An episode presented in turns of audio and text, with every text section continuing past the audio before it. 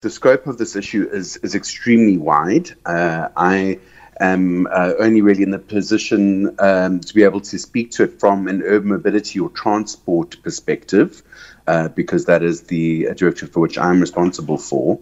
Um, and um, but uh, of course, this this issue is, is experienced not only by, by, by my roads and infrastructure teams, but also those working in the human settlement space, those working in the water and sanitation space. So it is a, an extremely wide uh, reaching uh, problem for the entire city of Cape Town. Um, in terms of uh, the Urban Mobility Directorate, I mean, we've already done because obviously we have very uh, quite tight um, expenditure projections to, in order for us to keep on top of our budget and budget spend. And we are estimating that as of last week, we've lost up to almost 58.6 million rand in spend um, over the past, say, month, month and a half.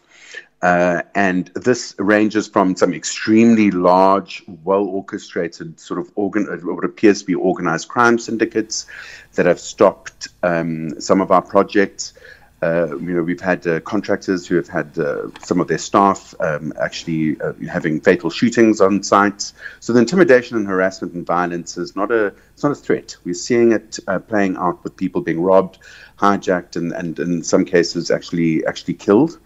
So you know the, the, the, the, groupings are quite large, but it, it's not only just the very big mega projects that are being targeted. It even can include something like uh, small traffic calming interventions that are being done, say speed humps or, or sort of traffic circles uh, within some kind of um, uh, community roads, not even the main roads, where local people will come and start harassing the project managers, refusing to allow them to do any work and demanding to be taken onto the job or contract as well. Mm. Um, so it, it, really does range from from quite organized, uh, what I would say is organized crime, all the way through to opportunistic attempts by locals in the community to strong arm their way onto projects.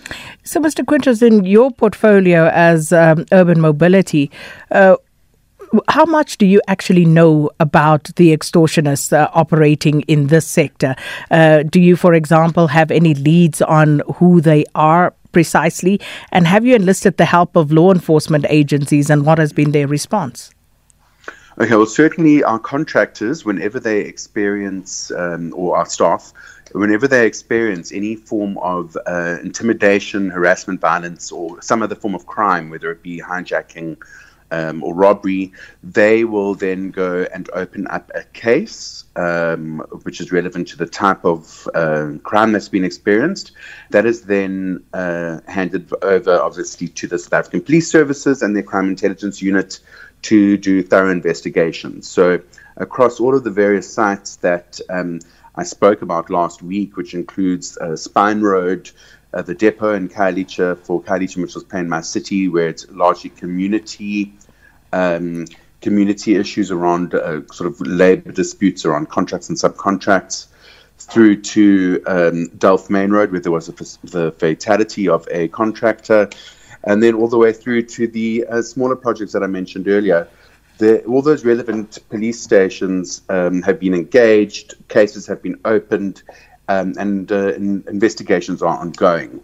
Uh, the only um, the only kind of pr- sort of organized uh, s- sort of stakeholder unit that's been put together um, is being done by the by that uh, the office of the mayor and uh, Alderman J.P. Smith in safety and security to start looking at a way for the city to address this uh, ongoing uh, scourge of of extortion and uh, attempts at uh, strong arming onto projects that mm. now, of course, affect communities.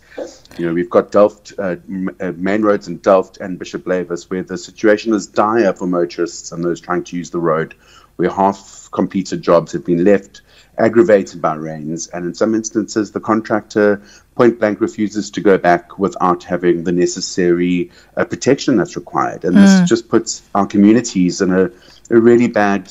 Um, a really bad situation, especially when one considers the heavy rainfall we've experienced over the last two weeks in terms of deteriorating roads. Mm, Mr. Quintus, we're out of time, but I have two quick questions. Firstly, um, what percentage of uh, projects are these extortionists demanding? Is there like a universal, uh, uh, you know, set percentage that they usually ask for? Uh, so no, it, it, as I said, it, it, varies. Some will say that they want, uh, you know, to have uh, additional labour brought in um, to the project, and they want to they want to provide names of people that must be working or be subcontracted.